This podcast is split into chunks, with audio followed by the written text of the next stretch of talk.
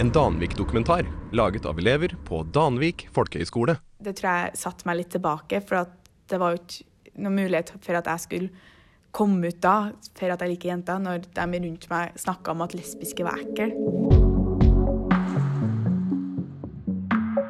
Du hører på Fargerik, en dokumentar om det å være skeiv på bygda.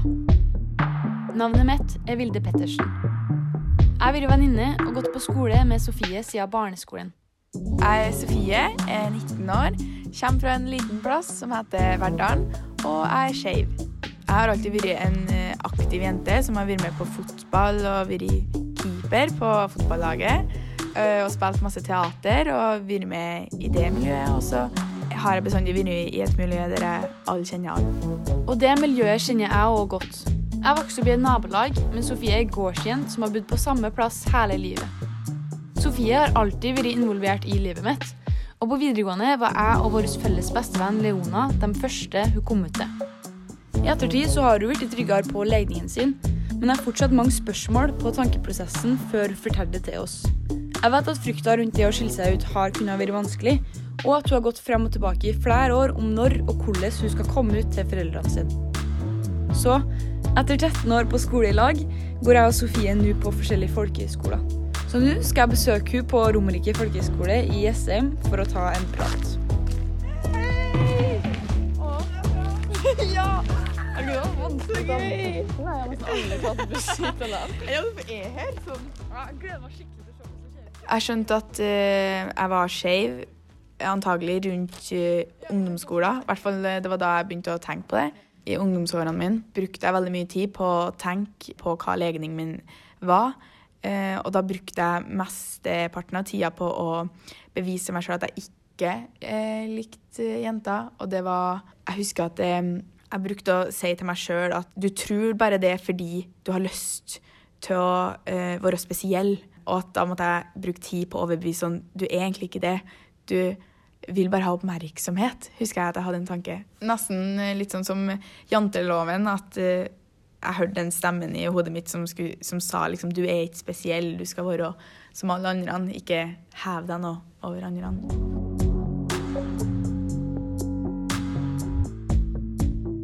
På ungdomsskolen så husker jeg det var eh, en gang det vi satt og snakka i lunsjen med noen venner. Og da var det en gang eh, to stykker satt og snakka om homofile. Og da husker jeg de snakka om at de ville heller se på to menn kysse enn to jenter kysse. Og da husker jeg at eh, det traff meg. Og det var kanskje en av tegnene jeg skjønte at det må jo være en grunn for at det traff meg. Eh, og da Det tror jeg satte meg litt tilbake, for det var jo ikke noen mulighet for at jeg skulle komme ut da, for at jeg liker jenter, når de rundt meg snakka om at lesbiske var ekle.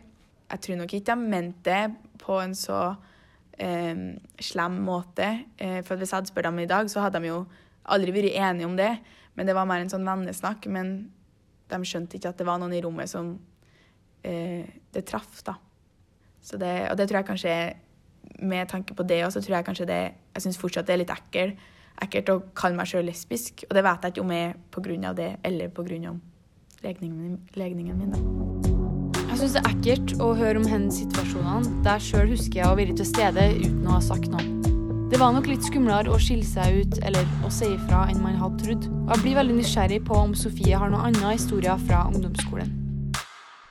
Og så husker jeg at eh, jeg brukte å bli shippa med en eh, gutt eh, i samme klasse som jeg gikk.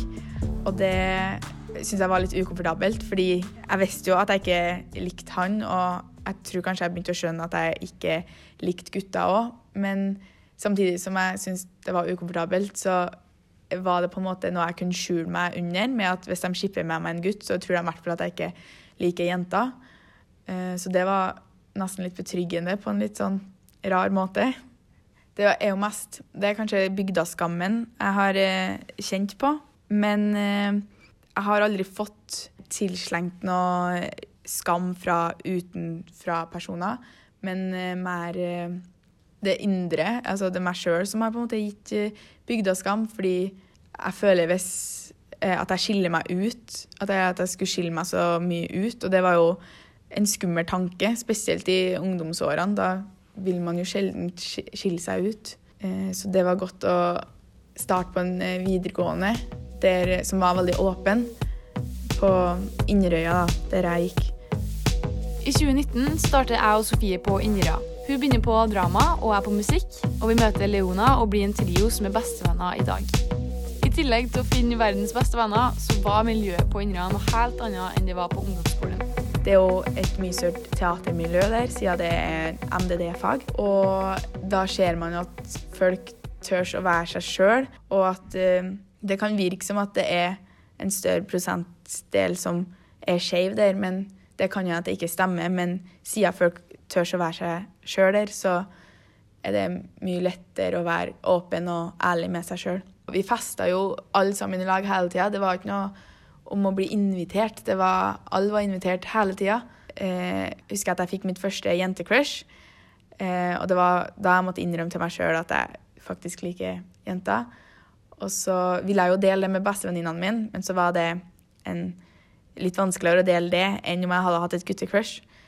Så, men så husker jeg i eh, begynnelsen av januar 2020 så hadde vi en kveld der vi møttes, og da husker jeg at i kveld skal jeg fortelle det. Og det var før korona, og så skulle vi ha en koselig jentekveld, da. Og så skulle vi se film, og vi hadde til og med stjålet alkohol fra foreldrene til Leona, som vi skulle drikke etterpå, med bare de tre beste vennene. I dag bor dessverre trioen tre forskjellige plasser i Norge. Leona bor nå i Trondheim, og jeg tar toget med henne dit for å snakke om vår opplevelse når Sofie fortalte oss at vi likte jenta. Husker du når det var? Jeg husker det faktisk ganske godt. Det som skjedde Skal jeg fortelle det som skjedde? Jeg gjør det. Det var at uh, vi var hjemme til meg, og så var du der. Vi satt jo der bare og liksom hadde en chill kveld. Men jeg tenker på, sånn, hun satt sikkert og liksom tenkte skikkelig på hvordan hun skulle si det. og liksom tenkte, Vi hadde jo ikke peiling på hva hun satt Nei. og liksom tenkte på. Hele kroppen hennes bare kribla og bobla stakkar. Ja. Og vi bare tenkte ikke noe. Nei. Men i hvert fall så satt Sofie Sofie satt liksom på, oppå sofaen, mens vi satt nedi, husker jeg på. Og så plutselig så sa hun sånn Jeg, jeg crusher på noen, eller noe. Sa hun. Ja. Og så begynte jo vi å vel så sa hun sånn Vil dere gjette, sa hun. Ja, og vi satt og gjetta. og vi gjetta kun gutter. Vi gjetta Nei, gjorde vi det? Jo, vi gjorde det. Men jeg lurer på på slutten at vi kanskje gjetta Nei, jeg, jente. tror- ja, jeg tror vi gjorde det. Ja, Kanskje vi gjetta ei jente på slutten. eller noe sånt. Og så sa hun liksom et annet jentenavn. da. Og så husker jeg på, Selv om vi bare hadde sittet og gjetta gutter, så var jeg bare helt sånn Å ja, OK. Men det var ikke liksom noe større enn det. Nei. Og så husker jeg på at det føltes ut som at det så ut som at hun ble veldig letta, liksom. Så det var derfor at jeg syntes at det var en så fin ting. For at for meg så var det jo ikke en big deal at hun var liksom skeiv, eller at hun ikke var det, eller et eller annet. Det hadde ingenting å si for meg. Så derfor så var det veldig sånn Jeg bare så på en måte at skuldrene hennes senka seg litt, liksom. Og det var derfor jeg, jeg tror det er derfor jeg husker det på sånn ganske tydelig, på en måte. Den 11. januar 2020 er en dato vi alle kan se tilbake til som noe fint. Og når jeg snakker med Sofie etter de, så ser hun at det var veldig godt at vi gjetta en jente til slutt når vi skulle tippe hvem crushet hennes var. Og da husker jeg at jeg ble skikkelig overraska, men òg på en måte at jeg ble letta, for da slapp jeg å se det sjøl. Og så ble de kjempeblide, og så ville de klemme meg. Og så husker jeg bare den vekta som bare for bort av skuldrene mine og var sånn Nå kan vi egentlig bare snakke og ha jentepraten om forelskelser og crush. Etter at Sofie fortalte til meg og Leona, så følte hun seg heldigvis trygg nok til å si det til andre nærmere venner òg. Etter hvert så ble det jo vennesirkelen som visste mye større, og vekta på skuldrene til Sofie ble bare mindre og mindre, og det ble enklere å si det for hver gang. Men likevel så var hun veldig nøye i starten på å vite hvem som visste. Jeg tror jeg tenkte at uh, man fikk et nytt syn på meg. Men når jeg fortalte det til flere og flere, så så jeg jo at det ikke stemte. Og da gikk det bra å fortelle det til hvem som helst til slutt. Jeg håper at Sofie følte på at hun kunne si det til hvem som helst, fordi personene rundt henne og skolen var trygge. Fordi på Inderøy så var det veldig sosialt. Det var festing ut på Sundsand på torsdager i ukedagene.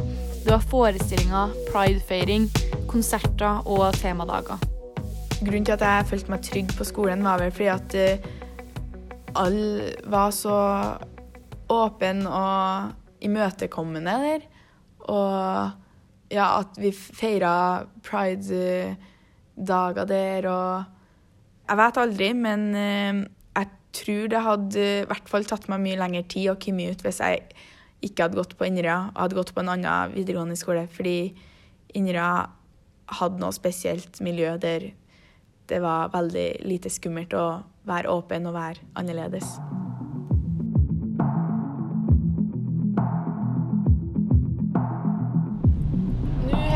Kjøre bil til Inderøya for å dra på videregående skolen som jeg og Sofie gikk på i lag i 2019 til 2022. Og der skal jeg møte Ken Brun, som var danselærer når jeg og Sofie gikk der, for å snakke om miljøet på Inderøya. Og han er skeiv, og han gikk sjøl på Inderøya i 1995 til 1998. Så det kommer til å bli veldig spennende å høre på hvordan miljøet var på 90-tallet i forhold til hvordan det var for meg og Sofie nå, da. Når jeg kommer inn på skolen, går jeg inn på biblioteket i lag med Ken. Siden han er født og oppvokst på Inderøya og gikk på skolen sjøl i 1995, så er det første jeg lurer på om hvordan miljøet var da. Altså, det var et veldig godt miljø på den tida. Det var mm, ganske høyt under taket iblant elevene. Og så møtte jeg på en for meg ny type interesse i folk. Det her at jeg ble introdusert til kunst og kultur. Og så selvfølgelig at jeg oppdaga dansen, som til slutt ble det som tok all min tid.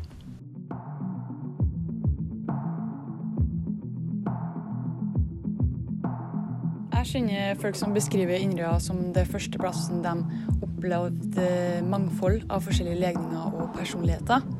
Og hvordan var din opplevelse rundt det? Eh, Jeg opplevde ikke Inderøya mellom 95 og 98 som veldig mangfoldig. Det gjorde jeg. det. Altså Selvfølgelig folk kanskje kledde seg litt annerledes enn hva man sånn ser på store videregående skoler der man kanskje er mer Kanskje ikke tør å stikke seg ut. Men ved at alle kledde seg helt ko-ko, så, så ble jo det normen innafor skolen. Men når det kommer til legning og bryte med normer der, det var heller ikke Det var veldig Det var jo sikkert flere, og jeg har to kompiser som vi liksom kom ut så å si samtidig, som gikk på skolen. De to gikk i klassen under meg, og de er jo fortsatt mine kompiser i dag. Sånn at det fantes jo et slags bitte lite community der. Eh, men vi var ikke så veldig mange, nei. Og det som rula i veggene, var rockegutter, liksom. Med langt hår og eh, mopedbart. Mm. Men eh, du kom ut på videregående. Ja, jeg gjorde det i, for folk rundt meg. Og, og svarte alltid hvis jeg ble spurt. Det var ikke sånn at jeg begynte Hei, jeg heter Ken og jeg er skeiv, liksom. Men, men, eh, men ja, jeg kom ut mens jeg gikk på Inderøy videregående skole. Men vi ble jo også, når det begynte å komme ut blant ulike ungdomsmiljø På Straumen på den tida var et stort rånemiljø. Det er kanskje ikke så veldig mye av det lenger. Men da sto de med Volvoene lina opp på autoen, altså bensinstasjonen. Og de brukte Da var det ikke gangvei like mye som det er nå, så infrastrukturen eh, så litt annerledes ut. Og da brukte de å Enten så brukte de å late som de liksom skulle kjøre på oss, eller kasta ølbokser ut av vinduet, eller Så ja, jeg har blitt løfta etter nakken ganske mange ganger av rånere. Enten her eller ut på Verdal eller Steinkjer. Jeg syns det er interessant å høre om hvordan miljøet var på den tida, og jeg er glad for at vi ikke har opplevd noe spesielt til rånemiljøet. Ken sier likevel at han følte seg trygg på skolen, og jeg blir nysgjerrig for om linjene på skolen har noe å si for det åpne miljøet. Selve linjene i seg sjøl tror jeg ikke er grunnen. Men jeg tror folk som er interessert i kunst, er ofte nå, er- Det er ikke alle, men er ofte åpne eh, mennesker som eh, som kanskje ser verden med, like mye med hjertet som med øynene. Liksom. Du var jo danselærer mens jeg gikk her, og du har eh, gått her sjøl. Og vet du om skolen har gjort noe tiltak for å være en åpen skole. Åh, ja Hva skal jeg si om det, da? Nei, jeg er for lite, vil jeg si. Altså, Seksualundervisninga tror jeg er for dårlig, både i grunnskole og videregående skole. Og så tror jeg det er mange lærere og voksenpersoner som føler seg utrygge i LHBT-alfabetet. Sånn at de tør ikke å, å riktig gå inn i det og ta tak i det. Selv om at skolen ikke har alt av nødvendig kunnskap om kjønn og seksualitet, er Ken med å jobbe for at biblioteket og kulturskolen på Inderøya skal få regnbuefyrtårnsertifikat i en pilot i samarbeid med Fri Oslo og Viken. Det vil si at 100% av ledelsen og 80% av alle ansatte må gjennomføre en kompetanseheving i kjønns- og seksualitetsmangfold for å fremme likeverdige tjenester og et trygt arbeidsmiljø. Jeg syns det er så godt å høre at Ken med andre folk faktisk jobber for det og er engasjert. Og så håper jeg det ender med at videregående òg blir regnbuefyrtårn. Selv om vi har feira pride på Inderøya, så har Sofie f.eks. aldri vært typen til å være veldig åpen og utad om legningen sin.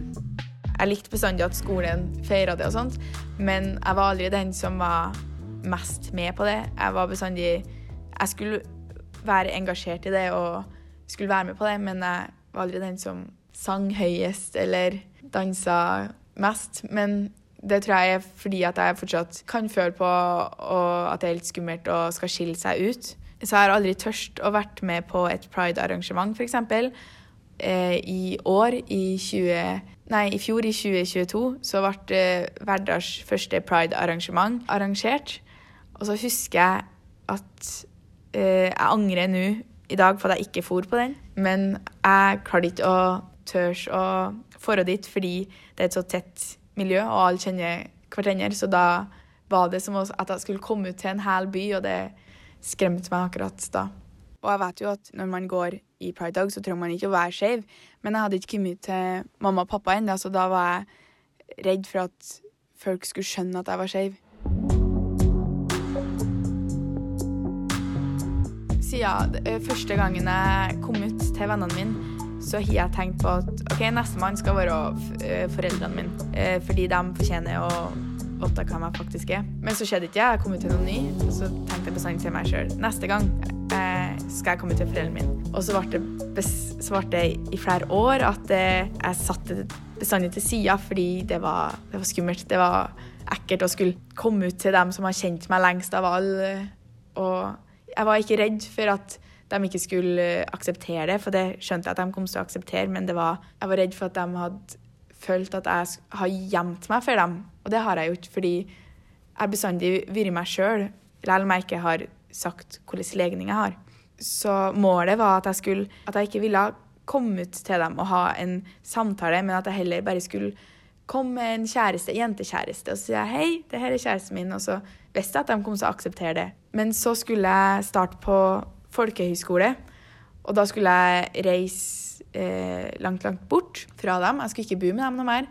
Og da husker jeg det at jeg ville komme til dem før jeg for dit, for jeg ville ikke at de skulle tro at jeg forandra meg på folkehøyskolen etter at jeg hadde flytta ut.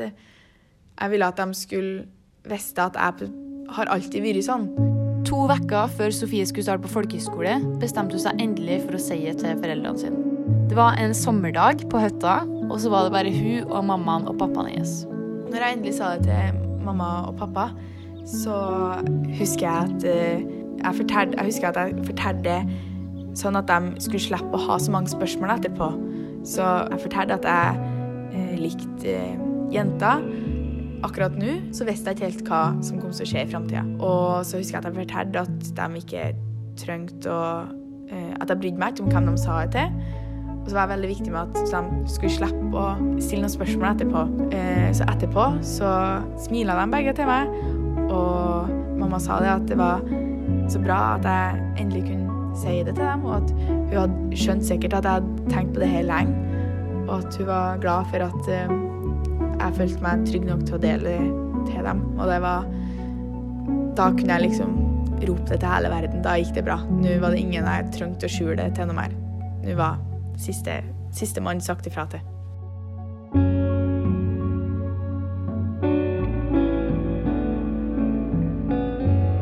Jeg har alltid følt meg trygg eh, på bygda, men det tror jeg for meg så er eh, problemet mest ved det indre.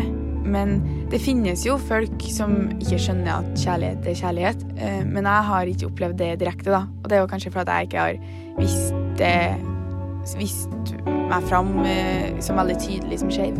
Og jeg, jeg føler meg veldig heldig da, som er omringa av folk som skjønner at kjærlighet er kjærlighet og er glad i meg for den jeg er. Jeg er glad for at Sofie så langt har hatt fine opplevelser rundt det å være skeiv på bygda, og jeg håper at det fortsetter sånn, uansett om hun ender opp med å bo i byen eller på bygda. Men videre så er jeg nysgjerrig på om hun har satt seg noen mål. Nå så har jeg jo sagt ifra til alle mine nærmeste om at jeg er skeiv, så nå er jeg ikke redd for å kan si det til hvem som helst. Så da må vel målet være at jeg kan gå i det pride-daget og ta med meg bestevennene mine og feire i lag med dem. Nå driver jeg og søker opp når eh, pride-månedene er, og det er ganske sikker Jeg tror det er juni. Jeg må bare dobbeltsjekke det. Ja, det stemmer. Det er juni. Så Verdalen Pride, Oslo Pride, here I come. Jeg prøver liksom å legge opp en del sånn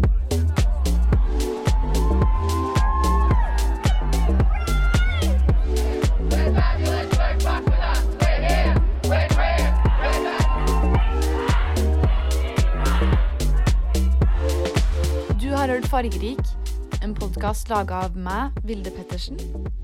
Tusen takk til Leona og Ken, og en spesiell takk til skjønneste Sofie, som ville dele sin historie rundt det å være skeiv på bygda.